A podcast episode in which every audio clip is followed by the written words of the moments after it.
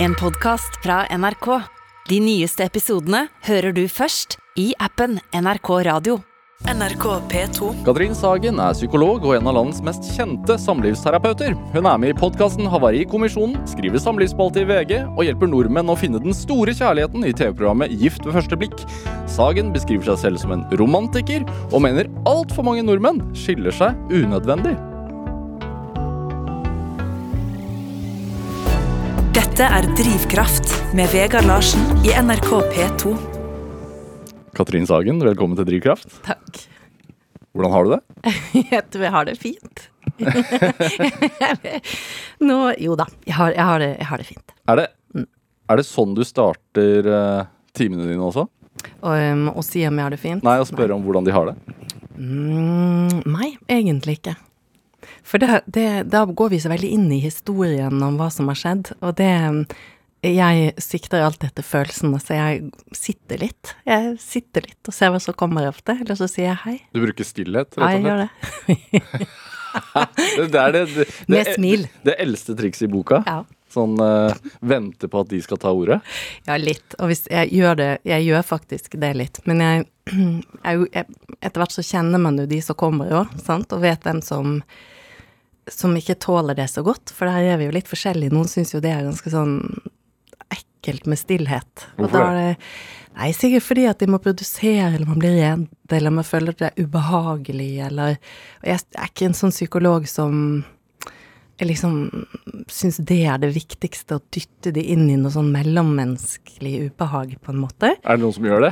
Eh, ja, det tror jeg nok. Det er jo, jeg er litt uenig om det. Sånn hvor mye angst man på en måte vil ha i rommet, eller hva jeg skal si. Jeg er veldig for følelser, jeg er veldig for de vonde følelsene og vanskelige følelsene, men, eh, men, jeg, men jeg liker heller ikke liksom at noen skal føle seg sånn utfordret eller plukket på liksom forsvaret sitt, selv om jeg kan kanskje tenke nå forsvarer du deg litt med et eller annet, eller tuller vekk eller sånn, det syns jeg ikke det har ikke jeg så lyst til å plukke på, for når vi gjør det, så har vi liksom en grunn til det ofte, og det tenker jeg at man skal få lov til å beskytte seg litt. Hvordan merker du det forsvaret folk har da, når de kommer inn? Nei, det er jo Det kan jo komme på litt forskjellige måter, det der forsvaret, sant. Eh, I begynnelsen så vet jeg jo ikke det, for det er jo ikke sånn at vi liksom, psykologene kan se gjennom andre mennesker, men når jeg begynner å kjenne de litt, så ser jeg hvordan hvis man unnviker tema eller tuller eller sånn, så er det jo ofte Vi jo, ser jo på kroppsspråk, og når det liksom ikke helt stemmer med det som blir sagt, og det som blir vist, eller et stemmeleie endrer seg plutselig, eller litt sånn, så kan jo det være sånn tegn på at man at det skjer et eller annet, at noe er vanskelig, eller at man å beskytte seg litt, eller Er det da du noterer? ja, Det er da jeg ser, det er da jeg lener meg inn, som det heter. Jeg lener meg frem. Ja. Hvordan Lener deg inn eller lener deg frem? Ja. Ja. Sånn, dette var interessant. Ja, eller bare ved å vise at jeg er der enda mer, uten at jeg gjør noe mer, kanskje. Men hvordan, hvordan vil du beskrive det å komme til deg som et par for å fikse forholdet? Hvordan tror du det er? Jeg tror det er ganske skremmende, egentlig. Sånn? Jeg tror faktisk det. Em, fordi at um, de skal snakke med en and om alt det der man ikke klarer. De klarer ikke å snakke om det alene, ikke sant. Så folk Jeg tror mange Altså, man sparer på ting. Jeg vet jo at de sier det til meg og sånn, og ja, dette skjedde jo liksom i forrige uke, og da visste jeg vi skulle til deg eh, om seks dager, så da har jeg liksom spart på det. Så man har jo gått liksom og holdt på, på mye ja, men følelser eller antakelser eller sånn, skal kom, alt komme frem på en gang. Og det, jeg, jeg tror det er vanlig å ha ganske mye puls eh, når man kommer inn, og så er det også når vi kommer i gang i terapien, så løsner det jo forhåpentligvis, og da håper jeg jo at det kjennes trygt å være der, og at vi til slutt når vi oppsummerer, kjenner litt at ja, men dette her nå har vi gjort et stykke arbeid sammen, nå har nå, nå et eller annet skjedd, på en måte. Ja. Det hvordan, hvordan ser det ut hos deg? På kontoret? Eh, ikke, ikke så minimalistisk, for å si det sånn. Nei, hva vil det si? Masse ting. Ting og bilder og farger og bøker og blomster og teppe og puter og Hva slags farger? litt sånn jordfarger, rosa, varmt, brunt, grønt. Hvor gjennomtenkt er det? Det er litt gjennomtenkt. Det er gjennomtenkt i den forstand at, um, At jeg prøver at det skal se litt menneskelig ut. At det skal være Jeg, jeg, jeg tenker at, det, at, de fleste tåler at det er litt av psykologen der inne òg. Der er vi forskjellige psykologene, ikke sant. Ja. Noen er veldig opptatt av at det skal være et helt Klinisk rom, ja, liksom. og blankt lerret, og det er bare liksom den som kommer inn, som skal være der. Og det er jo fokuset ligger jo selvfølgelig hos den personen som kommer inn. Men det er et eller annet i meg som hvor jeg tenker at det er noe fint at det kjennes litt, litt sånn personlig også. Eh, Men nå er det Jeg vet ikke om det Nei, vet du hva? Jeg Har du et bilde av liksom lykkelig familien på pulten, liksom? uh, nei. Det har jeg ikke. Det har jeg ikke. Men har du Du veit jo hvem som kommer til deg på forhånd. Du har fått navnene og sånn. Mm. Googler du? Nei. Nei. Forbereder du deg på noe vis i det hele tatt? Nei. Egentlig ikke. Så du har sett blankt ark, liksom? Ja. Når de kommer første gang, så, så gjør jeg i, egentlig ingenting. Jeg er ikke så glad i å lese um, Jeg er ikke så glad i å lese det de skriver heller, holdt jeg på å si. Hørtes jo veldig avvisende ut. Men jeg liker liksom at eh, jeg liker at vi gjør det sammen når vi ses. At vi på en måte lager vår allianse om at alt som vi vet om hverandre, det har vi sagt sammen, på en måte. Det, sånn liker jeg å jobbe. Ja. Ja. Er du nervøs? Ja Nei, ikke så nervøs, egentlig. Jeg kan være nervøs eh, hvis, hvis det er par jeg kjenner som jeg syns er vanskelig å hjelpe, eller at jeg føler meg utilstrekkelig og tenker at dette her er klar, Hvis jeg blir, føler meg liten og, og dum, på en måte, da kan jeg grue meg til at de parene kommer. Mm. At du føler deg liten og dum før de kommer? Mm. Hvorfor det? Nei, for jeg, jeg, jeg ser at de har det vondt, og jeg tenker at det er liksom ikke um, Det er noen par som er vanskeligere å jobbe med, som kanskje um, treffer noe i meg hvor jeg må jobbe veldig hardt for å legge meg og min historie vekk. Um, og da er det litt mindre tilgjengelig for å liksom være inni deres historie, og de, det er mye tyngre, på en måte. Ja.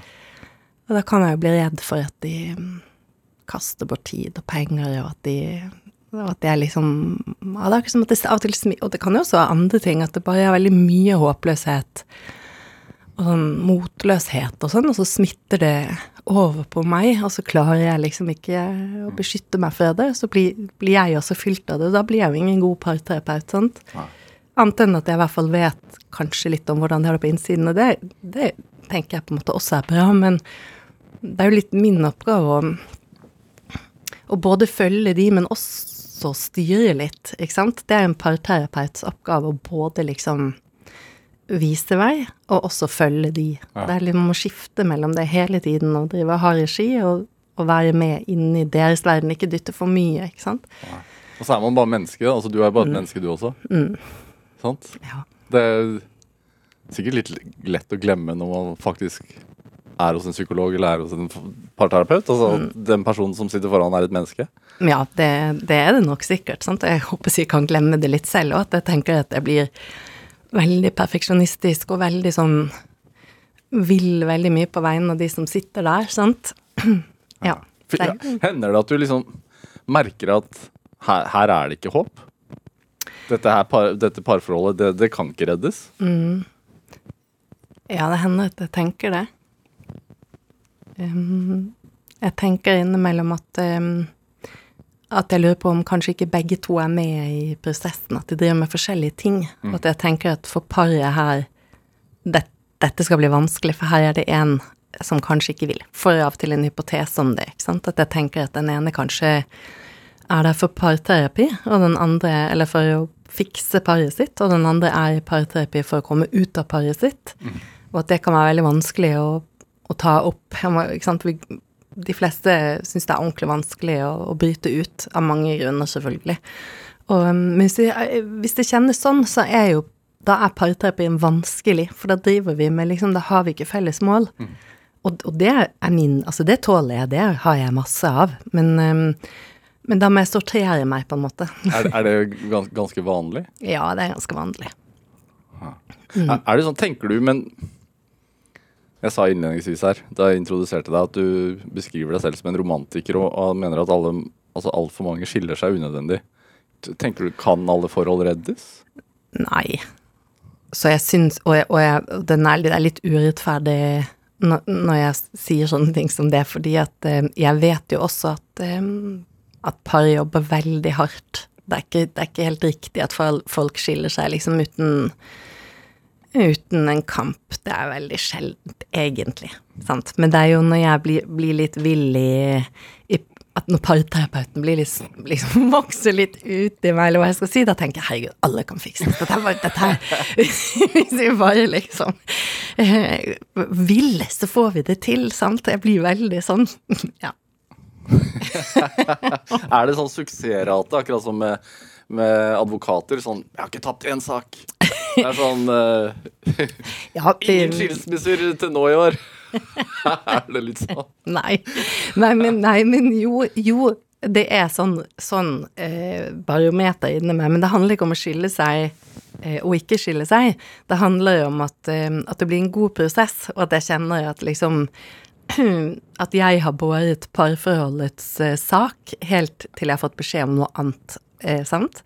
Og når jeg får beskjed om noe annet, så kan jeg liksom oppdage det på en av partene, som jeg sa, eller begge to, at de liksom Vi vil ikke mer. Og da handler det om å lose de på en måte til et annet sted som er bra. Sant? For det er jo noe Veldig mange har jo barn og skal være foreldre for alltid. Og da Det er jo alltid med som en sånn perspektiv hos meg, at den delen er viktig. For disse menneskene skal og må forholde seg til hverandre, og jo bedre jeg får til det, desto jo, jo bedre blir det, på en måte. Så der ligger liksom suksessraten, at, at, jeg går, at jeg ser at de som går ut, kjenner at de har fått med seg noe som har vært verdifullt for dem. Og innimellom så oppleves det jo ikke som det, og da kjennes det som suksessraten går ned. Ja. Går, hvor lenge altså, går det inn på deg? Ja, ja, absolutt. Absolutt. Vi, det går inn på, jeg tror det går inn på alle som jobber med mennesker, psykologer. Vi har jo mye sånn På mitt kontor så har vi, mm, har vi noe som heter innsjekk. Hva er det? Det er at vi på mandager i lunsjen har en litt lengre lunsj, hvor alle em, på en måte forplikter seg til en viss grad å være litt sånn sårbar, og snakke litt om hvor de er eh, på jobb, eller hvor de er hjemme. Altså eh, kollegaene dine? og- kollegaer rundt lunsjen der. Og da hender det jo ofte at vi prater, vi utleverer selvfølgelig, vi har jo taushetsplikt, så vi går jo ikke inn i noen saker eller sånn, men det er jo ofte det kan komme sånn Jeg kjenner meg så, Eller jeg føler at jeg er på et sted hvor jeg ikke kan hjelpe noen, og hva driver jeg med, og sånn, Det er mye sånn eksistensialistisk tema, eller sånn om eksistens som, som psykolog, som kommer der med mye tårer og Ja. Så det, det, det er jo Hvor, i- hvor, i- hvor følelsesmessig Altså hvor følelse, mye følelsesmenneske er du, da? jeg, jeg, jeg tror jeg er ganske mye Jeg syns jo at jeg er veldig normalt følelsesmenneske, men Hva er det? Hva er Nei. et normalt følelsesmenneske? sånn som Ifølge psykologen, hva er et normalt følelsesmenneske? Eh, normalt sammenlignet med meg selv, i hvert fall. Nei, jeg, jeg Nei, vet du hva? Svaret tror jeg er mye. Jeg tror jeg er mye, mye følelser. Ja. Ja. Men er det en fordel? For å, hvis du er, er, har mye følelser, så merker du altså, Så er du kanskje var andres også? Jo, jeg tror det er en fordel. Jeg er ikke, jeg er ikke så redd for følelser, sant. Så jeg er ikke så redd for også de vonde følelsene. Eller glade følelsen. Jeg er jo jeg er et menneske som er veldig mye glad. Sant? Som har veldig mye lyd på seg, eller har høy lyd, eller hva jeg skal si. Sant? Hvordan hvordan jeg si det. Det er så rart. Eh, Katrin Sagen, du, dette programmet går direkte. Jeg merker at jeg har litt problemer med en mikrofon. Så jeg synes Vi skal vi, vi spiller jo alltid av en låt i dette programmet, sånn cirka halvveis. Mm. Syns vi skal spille av den låten du har med nå, uh, 'Girl from Ipanima', for å prøve å reparere den mikrofonen. Hvorfor har du den med?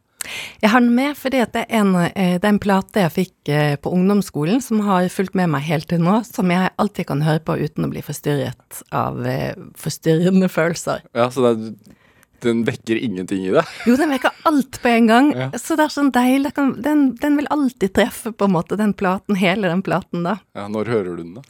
Nei, det kan jeg høre på morgenen, eller når som helst, eller i bilen, eller middagsbesøk, eller når jeg skal grine, eller le, eller skrive, eller Den kan liksom alltid være Den syns jeg alltid funker, da. Ja. Hva er det sterkeste minnet til den? da? Mm, det, det tror jeg nesten ikke jeg kan si, for det er så mye. Det kjennes som en sånn tettpakket eh, Tettpakket Den har vært med meg på alt. rett og slett.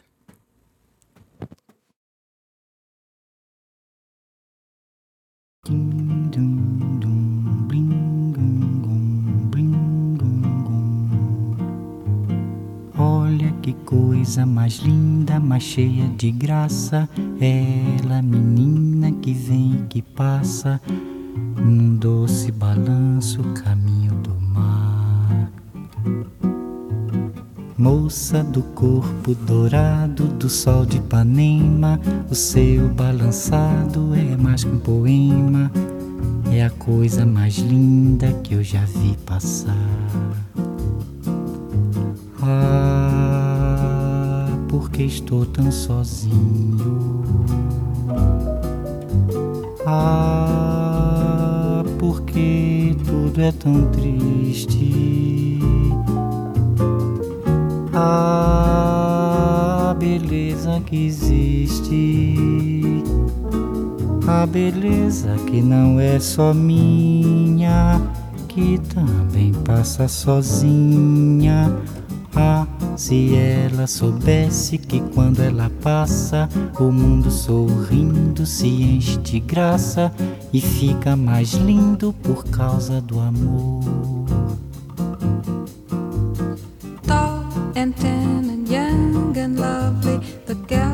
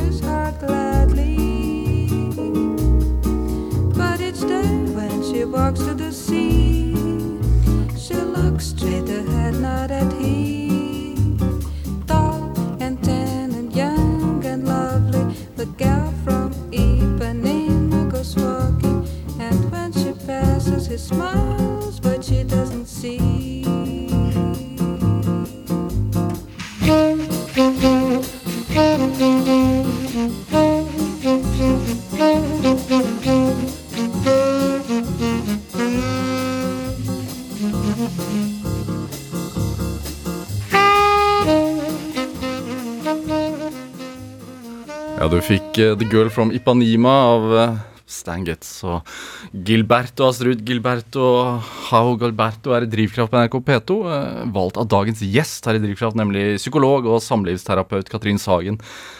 Virker som vi fikk fiksa mikrofonen. Ja, jeg tror det. Jeg det er mye roligere lyd hos meg, i hvert fall. Ja, det er bedre lyd hos meg også.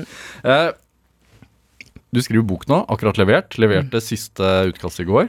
Ja, siste setning, sånn plukkesetning, for ligger altså dette her For meg det er, jeg, jeg har jo skjønt at det er vanskelig å skrive en bok, men jeg tror ikke jeg har skjønt selv hvor liksom eh, Det kjennes sånn Det kjennes som før og etter jeg gjorde det, på en måte. Hva vil det si? Nei, jeg vet ikke, det kjennes veldig annerledes. Kjennes, kjenner meg som en annen perspektiv. Kjenner meg som en litt annen i dag enn i går. For, nei, det At jeg klarte det, tror jeg. Jeg tror jeg liksom Ja, det kjennes jo veldig stort og utrolig skummelt, og jeg er redd for å skuffe noen og redd for ikke å ha med meg nok perspektiver og Men du skriver bok om, par, altså om samlivsproblemer og, og løsninger på samlivsproblemer. Ja, Og, eh, absolutt. eh, og hva, hva heter den? Eller den kom, skal komme ut på året, men hva heter den? Den heter Fra ligging til legging. Det er en viss fase i livet dette handler om. Ja, Det handler om par som får barn, og Ja. utfordringene de møter. Mhm. Du, du og mannen din har fire barn. Mhm. Til sammen. Er det Ja, til sammen. Mm. Eh, på hver deres kant, og også felles. Ja. Mm. Men er er basert på egne erfaringer, dette her, da? Ja. altså, mannen min skriver jo også litt, han skriver jo litt mer basert på egne erfaringer, mens jeg skriver mer vanlig med forskning i bunn og erfaring fra terapirom og sånn. Men det er klart at um, deler litt av eget òg, for vi er jo alle mennesker, det. Vi er jo Jeg tror vi kjenner hverandre igjen i hverandre, alle sammen, omtrent. Ikke alt, selvfølgelig. Ja. Hvilke problemer uh, har oppstått hos, hos deg da, når det gjelder det å ha barn og dyr- dyrke og forholdet? Ja, med ligging og legging. Det Ja. blir jo mye legging, så klart. Det og det andre òg. Nei, men, ja, men det er jo Det går jo veldig mye um, energi til til liksom familiesystemet, og, og, mm, og det vil vi jo begge også, og det tenker jeg at de fleste foreldre vil. Og så blir det utrolig lett å tenke sånn, bare vi får gjort det, eller når denne jobben er ferdig, eller når det barna har begynt i den, nå skal vi bare Lucia, så skal vi, så skal vi Det blir liksom aldri tid til det parforholdet. Man ser alltid fremover. Alltid. Ja. Eh, så, så Er det feil? tenker du? Nei, Eller er det en ikke dårlig- feil, men det kan bli Det blir jo synd på det parforholdet hvis det skal ligge bakerst eller nederst på listen gjennom 18 år. Så lenge har vi jo barna i rede vår art. Sant? Så Mhm. det, det, det, da, blir det ikke så mye igjen av parforholdet. Så på et eller annet sted må man snu seg litt, eller hvor da, da er det viktig å få inn paret på en eller annen måte, da. Ja, men er det fra altså, sånn øh, Hvis du tenker på de som kommer til deg, da. Og så, mm. Er det ofte en fallgruve? Altså det å ha små barn, eller å Ja, jeg, jeg tror at det, det er ofte mm, Ofte noen av de sårene som kommer på et eller annet tidspunkt i parforholdet, så er det mange av de der vanskelige knekkpunktene, kaller vi det ofte for, eller der hvor man sånn skikkelig har følt at den andre ikke var der når jeg trengte det som mest. Mm. Det er gjerne de Ofte fra de to første årene etter man har fått barn, og det det er jo egentlig ganske forståelig, for dette er så stort og annerledes, man er så sårbar, sover lite, masse forventninger til liksom de ulike rollene, og får jeg det til, og overlever barna, klarer jeg, ikke sant, alle, alle de der, og forventningene fra utenfra, fra storfamilie eller venner, og så fra samfunnet, og ganske tøff fase. uenigheter om oppdragelse? Så kommer det også, sant? Ja. Hva er rådene? da? Nei, da får du se. Nei, da får du lese boka si! Nei, men sånn Nei da, det, det, ja, det er masse jeg, jeg, jeg er jo tross alt en psykolog, og da er jo mye svaret å, å se innover i deg selv, da. Sant? At svaret ligger jo som oftest der. Så kan vi råde og komme med liksom eh, perspektiver, eller hvordan noen har løst det, eller Men til syvende og sist så ligger jo svaret inni deg og den andre og parforholdet ditt. For det er ganske forskjellig hvordan folk, hva folk trenger, eller hva de ikke alle som vil snakke ut eller snakke hele tiden, ikke sant. Noen vil jo det, og da må de jo det, sant. Mens andre eh, vil løse det på andre, snakker kanskje mer uten ord eller kroppsspråk, eller gjøre ting for hverandre, eller det er litt sånn ulikt. Ja, det store ligger jo liksom i Er det en fordel å være like? Ja, det meste av parforskningen viser jo det. At det er lett, i hvert fall lettere når man er lik, sant. Um, men man kan helt klart få til uh, å være et superpar hvis man er ulike òg. Men da koster det jo mer, for det blir en litt mer krasj. Det var litt mer energi som må til på og forståelse av den andre. For, for mange kjennes det veldig sånn skremmende når den andre er ulik meg selv. Som liksom, hvem er du som liksom er på den måten, eller Så noen er ulike, så de der er det, der, det kreves mer, da. Mm. Er dere like? Ja, vi er nok ganske like. Og så har vi noen steder hvor vi absolutt ikke er like. Som for eksempel? Nei, vi er jo ganske sånn ulike på hvor mye sånn, hva skal jeg si Jeg, jeg er jo en ganske typisk ekstrovert person som la liksom Det koster meg å være med andre, men jeg lader ned med andre også. Mens min mann, han er veldig god sosial, men han, det koster han mer. Han lader ikke så mye på andre. Han blir sliten, sant. Jeg vil jo at barna våre skal ha med seg venner hver eneste dag, og vil egentlig at alle skal ligge over, at vi skal ha lange bord, og vi skal Alt skal skje, liksom. Mens um, det vil ikke min mann. Nei. Nei. Er dere åpne om det i boka? Jeg vet ikke om vi husker Nei, jeg tror ikke vi snakker om det, Nei. men vi er åpne om det generelt. Ja. Ja. Mm. Hvordan løser man noe sånt? da? Finner dere den gylne middelvei to ganger i uka? Ja, det blir litt sånn. Det blir litt sånn haling og drawing, og, og plutselig så glemmer jeg meg, og så har jeg sagt ja til plutselig til alle ungene, og så blir han helt utmattet, og så må jeg kanskje be han om å gå seg en tur, eller prøve å gi noe sånn offergave. kan ikke du um, Sant? Og så tar Det koster jo ikke meg så mye jeg, Det gjør ikke meg noe om ikke vi har nok middag, det lager jeg liksom en middag til, men mens kanskje Stein er mer sånn nå hadde jeg tenkt å lage dette, og da blir det ikke nok, og hva gjør vi da? Og ja.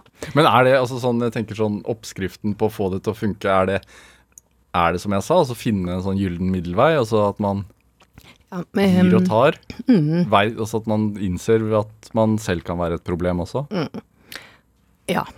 Jeg tror at innimellom så finner man en gyllen middelvei, der hvor det er liksom bare et slags kompromiss som er litt begge deler. Begge blir litt misfornøyd, og så tenker vi at det betyr at vi har funnet den beste løsningen. Eller så gjør man sånn at den ene blir veldig fornøyd den ene gangen, og den andre blir veldig fornøyd den neste gangen. På Ja. At man bytter litt, turer litt om. Men det, det som blir, ofte blir liksom Hvis, hvis noen kommer til meg og, og ikke liksom Hvis dette er sånn ordentlig problem med ulikheter, så er det jo gjerne fordi at enten en eller begge blir veldig rigid og holder veldig på sitt eget, sant, eller at, at en eller begge da blir selvutslettende, som blir på den andre siden av skalaen. Så det er noe sånn med å både liksom kunne um, tilpasse seg uten å miste liksom kjernen sin, for driver man med sånn altfor mye tilpasning, da um, kommer man gjerne på et sted hvor man begynner å snakke i sånne former som mm, Det kjennes som jeg har mistet meg selv, jeg har ikke noe livsgnist, ikke sant. Da kan det være tegn på at man har på en måte tilpasset seg altfor mye over for lang tid. Hvor god oppskrift er det å skrive en bok sammen? da? Det var, um, det var ganske vanskelig innimellom, for vi er litt sånn ulike på um, Altså, jeg um, er nok ganske høy på, på det å være ambisiøs. Hvorfor det, tror du? Jeg tror at jeg har lent meg på det hele livet. At jeg liksom har vært flink, eller jeg har vært flink på skolen, jeg har lagt mye flit i det, jeg har vært redd for autoriteter og ønsket å please autoriteter-aktig, eh, som ikke alltid er så Det er ikke noe godt. Det er jo vanskelig å liksom bli mm, det er litt vanskelig for å bli sånn selvhevdende og sånn i lønnsforhandlinger eller sånne type ting. Sant? Det er å overprodusere nok heller. Sånn, så jeg er nok veldig sånn at jeg forventer på en eller annen måte, eller jeg tror at for å være verdt å øh, elskes på en måte, så må jeg produsere masse, må være flink. Ja. Så jeg vet ikke om det er det som ligger liksom i bunnen, eller et eller annet for, for det å være ambisiøs, og det å liksom være Jeg er veldig perfeksjonist på mye ting. Jeg syns det er gøy å sitte og plukke opp liksom Få allting sånn helt, helt sånn ordentlig, liksom. Jeg syns jeg nyter det. Mens jeg tror at Steinar, han Han eh, er nok litt mer eh, det er vanskelig å si, for jeg er også litt sånn skippertak, så det er ikke riktig å si. Men han, han ble litt mer prokastinert. Han, ble- han dytta det litt foran seg nå, da. Kom liksom aldri i gang.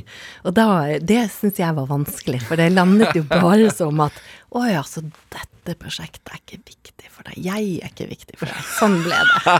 Så jeg gikk og være lei meg og kavet. Nei, uff a meg. Fytti katta. Ja, så da, vi har jo ledd, vi har ledd, vi har reparert det allerede, da. Ja. Så det er vi gode på, da. Men det var litt vanskelig en periode der. Men blir du da litt sånn samlivsterapeut hjemme? For å reparere det? Nei, jeg blir kjempebarnslig og veldig teit. Jeg blir ikke noe flink i det hele tatt. Så det, da blir jeg helt fem år, liksom. Så helt sånn eh, Og det er veldig godt å høre på. det. Ja, helt hvor vi kollapser i noe et eller annet hvor jeg aldeles ikke forteller hva jeg er lei meg for, og istedenfor å si at jeg lurer på om dette prosjektet, som er vårt felles prosjekt, ikke er viktig for han, så blir jeg sur, og så blir jeg supermenneske, hvor jeg både skal ha verdens ryddigste hus. Eh, altså, alt skal skje. Så jeg overkompenserer med å være dødsflink for å vise han indirekte hvor ikke flink han er, eller noe sånt. Det er så flaut å si. Jeg tror det må være noe sånt. Så det er jo Det blir ikke bra på noe som helst vis. Det, men ja. Mm. Er det en, liksom en vanlig hva skal man si, kalle fallgruve? At man blir litt barn i et forhold? Ja, det vil jeg si. Det blir vi nok, det blir vi alle, på en måte. Vi, vi I de aller viktigste relasjonene våre, så, så, så er det jo så viktig for oss, det der med å bli akseptert og um, for den vi er, og være trygg på at du er og kommer når jeg trenger deg, og disse tingene der, de er grunnleggende liksom båndet mellom oss. Så når vi blir litt sånn redd for at det skurrer, eller blir alvorlig bekymret for at svaret er nei, du kommer ikke når jeg trenger deg, eller du aksepterer meg ikke, eller sånn, da, bli, da kollapser vi og blir vi alle sammen veldig barnslige. Vi er ikke noe flinke da. Nei. Mange kommer jo og sier 'kan du lære oss å krangle bedre'? Nei, ikke egentlig, tror jeg. Men jeg kan lære deg å tåle det bedre, jeg kan lære deg å reparere det bedre, sånn at man ikke blir like um, engstelig neste gang det skjer. Hva er tips, tipsene til å reparere det? Um, Det er sikkert veldig individuelt, men sånn ja, det er, og det er jo litt sånn er, Hvis jeg skal si sånn overordnet tips, så er det vel kanskje å um, Å lære seg eh, å tåle at det tar tid. Det å reparere, liksom Man trenger jo liksom gjøre det ordentlig noen ganger for at man kan gjøre quick fix etterpå. Hvis man bare tar liksom Nei, det der går bra. Vi hopper over det der. Hvis alt hoppes over hele tiden, det har ikke jeg så tro på.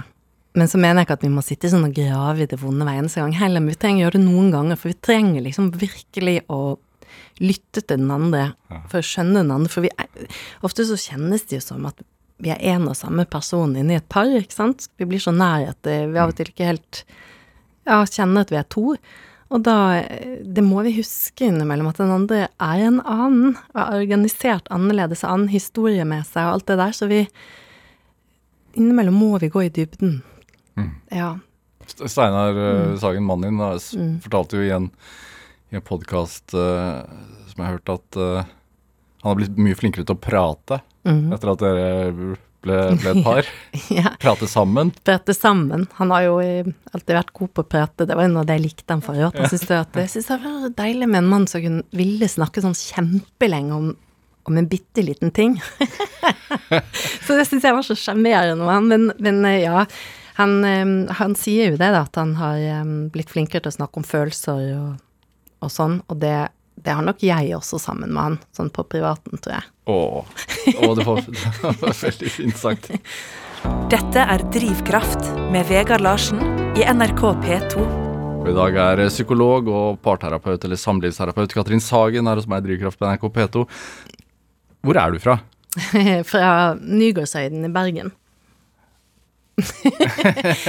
ja. Ja, Men jeg har fått en dialekt som, som er min egen dialekt, så alle kan høre seg selv igjen i min dialekt. ja hva vil jeg si?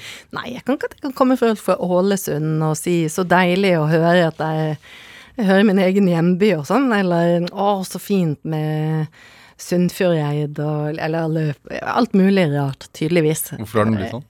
Fordi at vi flyttet til Østlandet da jeg var ti år, og så um, Ja, så skulle jeg liksom holde på dialekten, og så syntes jo alle at jeg snakket veldig rart og veldig høyt. Det er noe annet å snakke høyt, har ikke noe med Eller kanskje det er noe Det er bergenseren, da.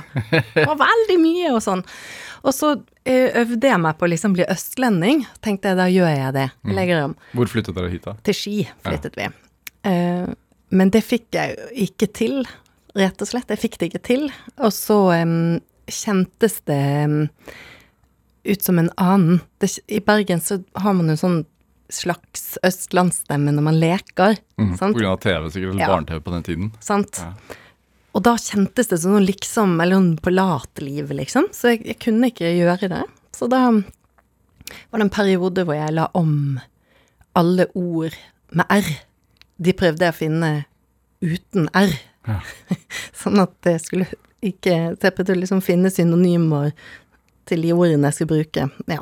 Så jeg holdt på med sånne ting, og så mm, sluttet jeg med det, og så bare levde det sitt eget liv, og så ble det dette jeg nå har. Hvordan barn var du, da?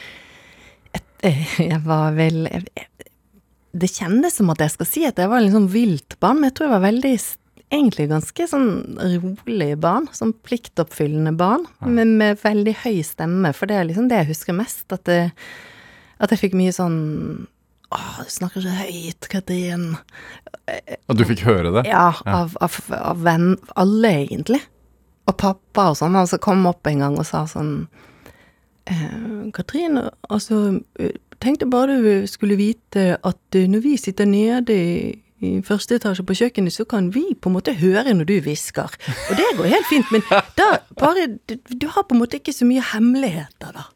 Sant? Var så snill. Snill å fortelle meg at eh, Ja. Mm. Uh, ja. Men jeg, jeg var jo Men hva kom det av, tror du? Altså, Vet ikke.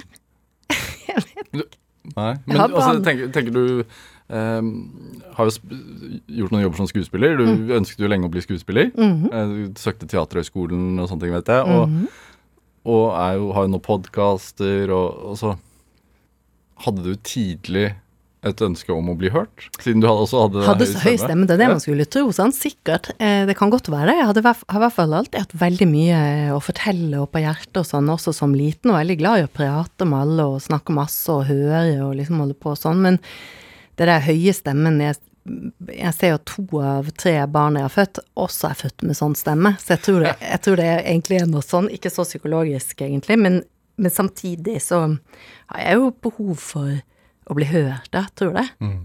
Det mm. Hvordan var barndomshjemmet, da?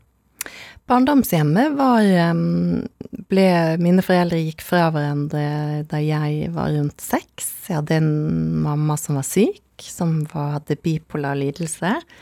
Som jeg veldig lenge trodde het eh, overanstrengelse. For det var det de sa til meg, at mamma er overanstrengt. er Sliten, rett og slett. Sliten, liksom, ja. Ja.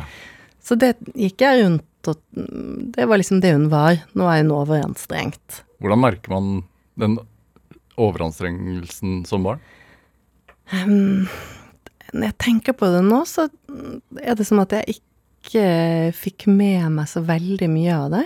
Um, da jeg ble større, gjorde jeg jo det. Mm. Men jeg tror de var ganske gode på å skjerme det for meg, at de på en måte bare um, presenterte det som en sykdom som pappa hadde en del vondt i ryggen, og det var liksom det han hadde ryggvondt, han hadde brukket ryggen en gang, så han hadde vondt, og hun var, hadde overanstrengelse, som jeg kalte det. Ja, men mm, jeg merket det jo det, Hun var jo litt rar og sånn til tider, og mm, hun var jo også manisk til tider, ikke sant. Det, det er jo ganske skremmende for et barn, selv om det også er gøy, på en måte, for det er et tempo som er veldig sånn eh, Det skjer jo veldig masse. Det er jo ikke noe hvile, på en måte. Når man er manisk? Ja. Altså når man er i de per- Driver periodene? de periodene der. Så det har jeg nok fått litt mer med meg enn jeg kanskje har skjønt selv når jeg tenker tilbake. Eh, men- Hvordan, da? hvordan arter en sånn mani seg? Nei, det er jo sånn at eh, da baker, baker ikke syv slag, baker liksom 15 slag på to dager, hvis du skjønner, til jul. Mm. Sånn. Sånn aktig, som er jo gøy for et barn å være med på å våkne og så bare 'Har du bakt alt det her på natten?' Bare 'Ja, det har jeg. Nå skal vi bake mer'. Sånn, sånn, det er noen sånne minner som jeg som barn har tatt med meg som sånn viktige og fine, men som jeg ser på som voksen at jeg kjenner sårt når jeg tenker på det som voksen, tilbake til barnet, liksom, men som i min ekte barnehistorie har kjentes god. Ja. Mm. Så det er jo litt underlig, men sånn er det jo. Mm. Sikkert for mange, det der at man kan Hun vil alltid leke. Ja, vis. på en måte, ikke sant. Og så plutselig var det de der eh, andre fasene. Hun satt og så ut i luften og ikke svarte, og som ikke var så fine. Ja, for det er baksiden. Det er altså. baksiden av det. Da går det inn i mer en sånn depressiv fase. Eh, og det er jo mm, ikke så godt å tenke på. Nei. Nei. I forhold til det at du har valgt yrket ditt. Jeg tror at jeg har valgt Det kan godt jeg, Altså, det er jo mange mm, Man kommer i kontakt med liksom Det er noe av denne villskapen i det som jeg er glad for at mamma har gitt til meg, sant? Eh, som jeg tror at kanskje har ledet meg til paret også, for i par, parterapi så er det så vilt. Sånn, det er så mye følelser. Jeg, jeg liksom kjenner igjen det. Jeg syns det er trygt på en måte, selv om det Mamma var ikke sånn vill med meg heller, men jeg vet ikke helt hva jeg skal til. Jeg tror det bare handler om noe sånn Hun var jo veldig mange år helt vanlig mor, jo, altså. Så hun var jo veldig masse sånn helt, helt vanlige, fine fine minner. Men um, um, det er jo noe med Har nok vært mye mammas mamma. Mm. Ja. Ja. Det har jeg nok vært. Fra du var liten. Ja. Og mye sånn holde hennes historier um, Følelsen av å liksom Kanskje først og fremst regulere hennes følelser. eh, uten at hun fortalte meg hva det handlet om. Så mye ringing. Og hun var, var lei seg og fortalte meg et eller annet, og hvor det handlet om å Litt som man gjør som psykolog, å oversette mm, den oppgavetheten til noe forståelig. Eh, og det har nok, jeg nok gjort veldig mye. Eh, uten at jeg visste at jeg har gjort det. Som også førte til at vi ikke hadde det så bra etter jeg fikk barn. for hun tålte ikke så godt at jeg ble mamma for noen andre. Nei. Nå, etter at du ble voksen på et vis. Ja. Ja. Så da endret det seg. Liksom, så da, da ville jeg jo ikke gjøre de tingene der mer, ikke sant. Mm. Hmm. Avvisning. Mm. Er det det at hun flyttet til Sverige Mm. Hvordan prater altså, Dere var jo flere søsken, og faren din. og Hvordan prater man om det? Jeg var jo den eneste de to hadde sammen, pappa og mamma. Enebarn der, så fikk min far barn og hun barn etterpå. Eh, men det, de presenterte det som noe veldig naturlig. Nå skjer det. Mm. begge to var jo sånn pedagoger, jobbet i barnehage og var veldig sånn 70-tallspedagogiske, så de fortalte meg nok sikkert ganske mye, tror jeg. Og sa at mamma mm, skal over dit og bli frisk, og måtte familien sin, hun var jo svensk, så hun eh, så jeg husker det som en sånn Ja vel, nå skjer det. Jeg skal bo hos pappa, det var jo deilig, for der er jo alle vennene og sånn. Og så var det pendle fra Bergen til Stockholm, som er jo en ganske lang pendlevei for en så lite barn, men da, ble, da gjorde jeg det, liksom. Mm. Så det er jo litt Barn godtar jo det når foreldre De var jo veldig trygge i det, begge to, så det føltes som eh, Føltes jeg var, Det kan godt være at jeg har glemt alt hvor lei meg jeg egentlig var og sånn, det er vanskelig å huske, men jeg, i mitt minne om min barndom, så husker jeg dette som veldig avklart, veldig trygt, veldig Jeg har fått høre etterpå at jeg tror at min mor ringte meg hver dag, tror jeg, mange år. Hvor jeg kunne velge om jeg ville snakke med henne eller ikke. Det ville jeg jo ofte ikke, for jeg lekte og sånn, men at hun var liksom veldig For jeg husker henne veldig til stede. Men fysisk så var jeg jo bare hos henne i alle feriene, så det er litt sånn rar eh, konstru... Altså i dag Ja, det er, jo, det er jo litt annerledes måte å vokse opp på at det blir hos pappaen og sånn, sant. Mange som kanskje mer vokser opp hos mammaen og ser pappaen lite, mens jeg hadde det omvendt, da. Men eh, det huskes, eller det kjennes som noe fint, men som voksen så har jeg liksom tenkt litt annerledes om det. Men tror, tror du at det har også bidratt til at du er interessert i hvordan hjernen funker? Ja, et, et, det, det, det henger nok sammen, sant. Eh. Ubevisst. Ja, det gjør nok. Er jeg en psykiater til stemor òg, så det var litt sånn Eller til bondesmor, eller hva man skal kalle henne for. Hun som er gift med min far. Hun, hun sa også da jeg liksom var ferdig med skuespiller igjen, ikke ville det og ikke skjønte hva jeg ville, og sånn sa hun, har du ikke skjønt hva Har du ikke skjønt det ennå, Katrin? Og jeg, hva da? Mm, nei, jeg vil jo gjerne at du skal se det selv, men da, hva med psykolog? Og så sa jeg bare hæ, er det det? Hvorfor ikke? Jeg vil gjerne at du skal se det selv. Ja. Og så sa jeg, ja, men det, det kan jeg jo. Og så sa hun, det syns jeg du skal. Og så bare gjorde jeg det, og så var det jo helt riktig. Så jeg tror de, de er veldig sånn, men de var veldig sånn, de ville at jeg skulle liksom oppdage ting selv, men det, det klarte jeg ikke. Det lå for nærme meg, tror jeg. Så jeg er jo kjempeglad for at hun sa det. Men hun må jo ha sett noen egenskaper i deg, da. Ja, må jo ha sett det, for hun syntes jo selv at det var um, helt åpenbart, liksom. Ja, hva tror du de var? Eh, det var vel sikkert det at jeg um, er typisk en sånn som syns det er gøy å, alltid syns det er gøy å snakke om eh, om andres følelser, da. Å være en sånn en som hører og analyserer og vil lese, lese kompliserte bøker og helt litt sånn Ja, vi har jo snakket Det er litt en akademisk fam, familie jeg har vokst opp i, så det har vært mye sånn ikke ha TV og drikke te og snakke om bøker, liksom. Var mye det. Ja.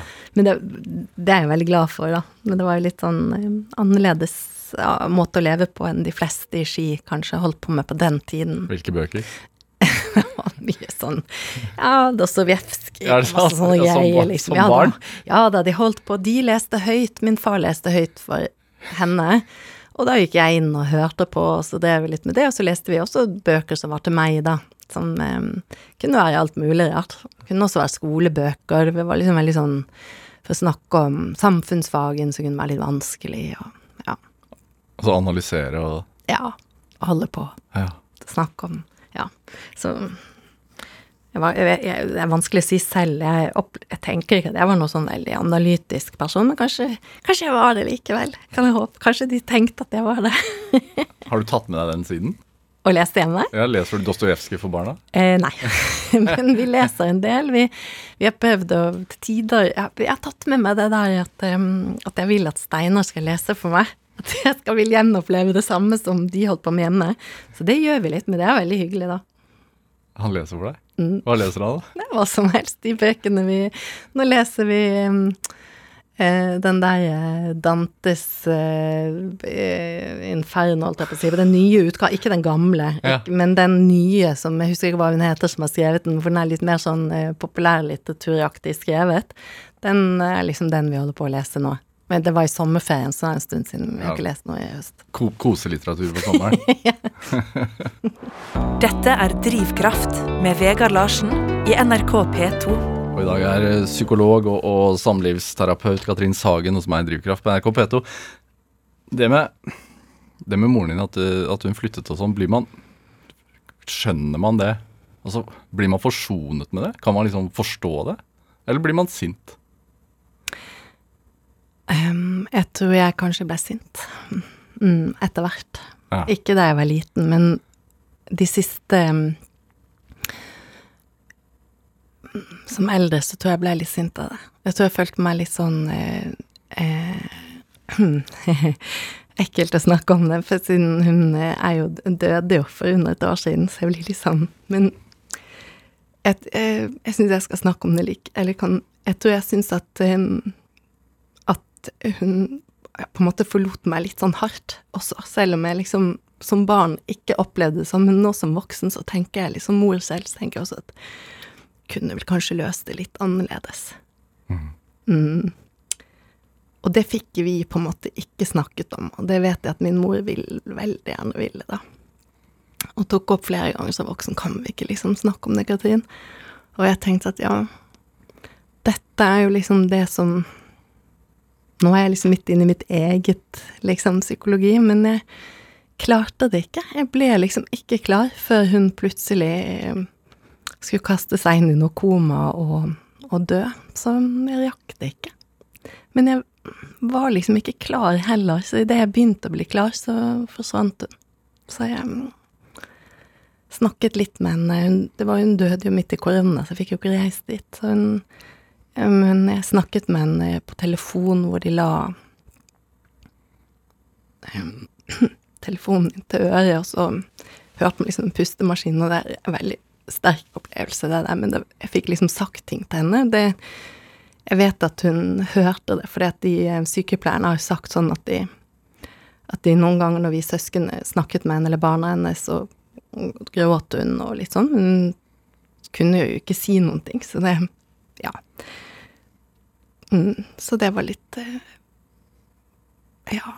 Man må liksom lage historien selv, eller hva jeg skal si. Når, sånn er det jo når man mister noen, ikke sant. Så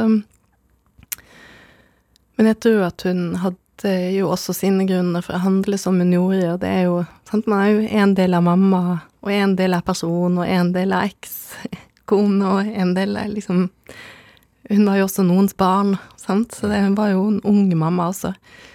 Så hun, hun trengte jo på en måte det, så det er litt sånn, ja eh, Sammensatt. Livet er sammensatt. Er det Hvorfor er det så vanskelig å prate sammen?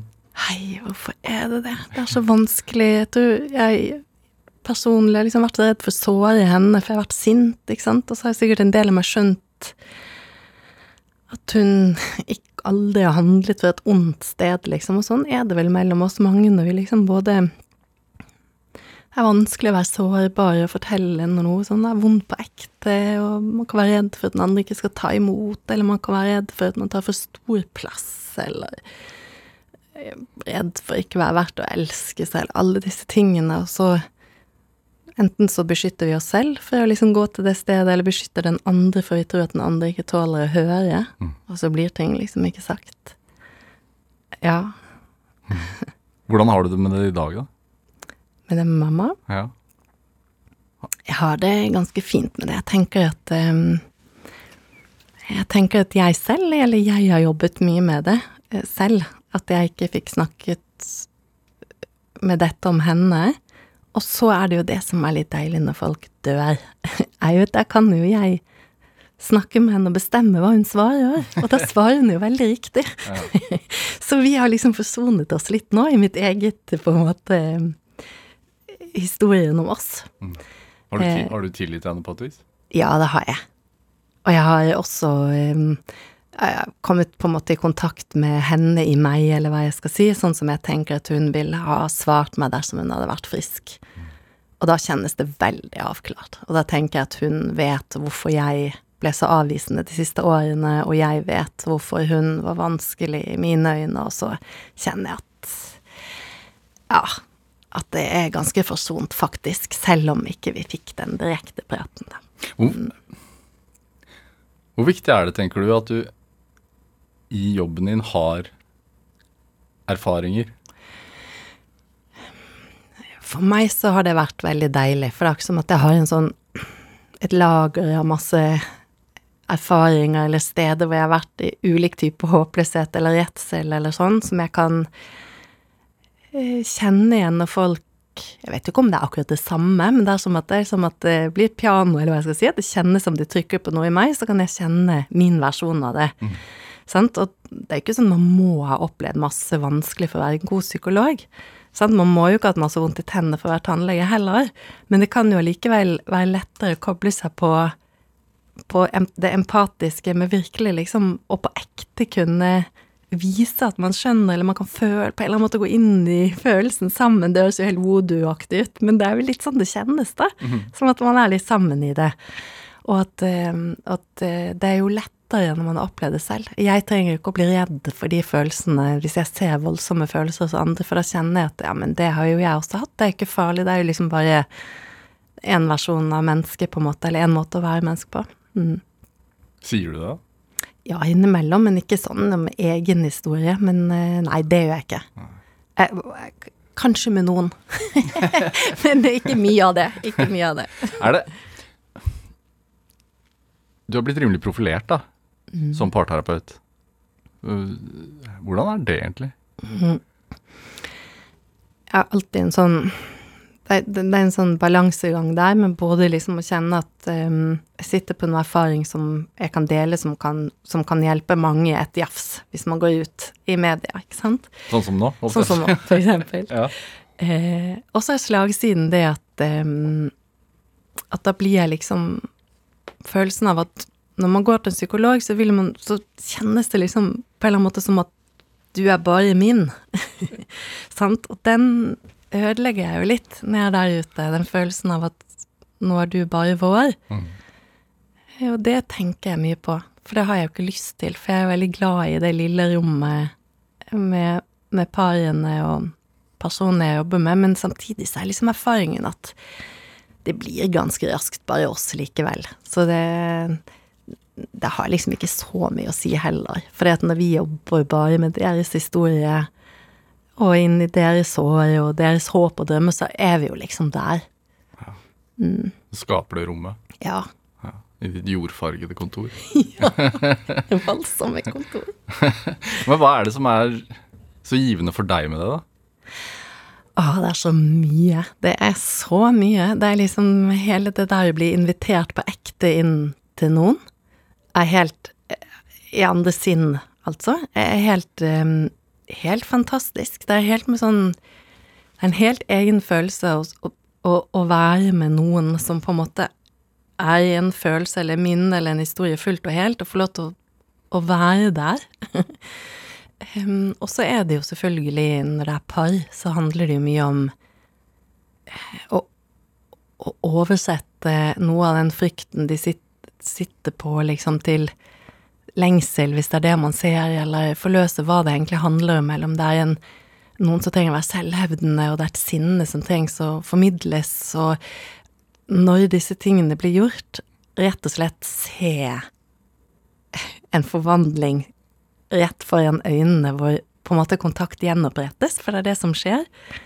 Det er så magisk, og det er Hver gang. hver eneste gang. Det er helt fantastisk, og det ser forskjellig ut fra hver og et par, liksom. Men følelsen inni meg er ganske lik. Ja.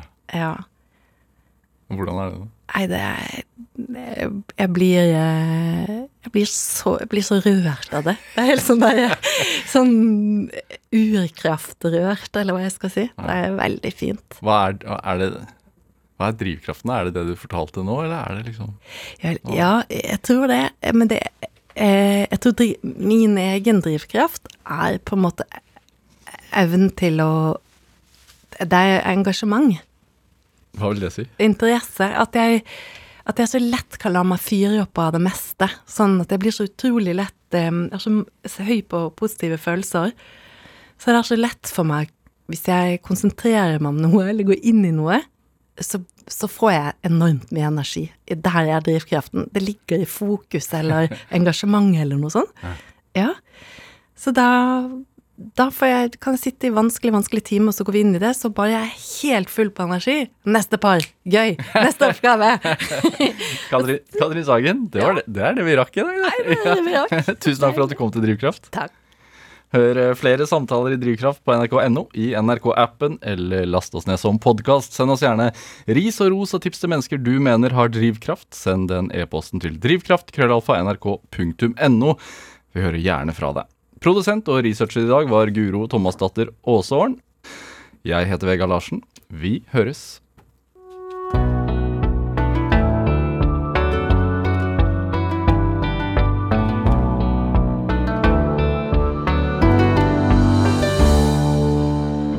Du har hørt en podkast fra NRK.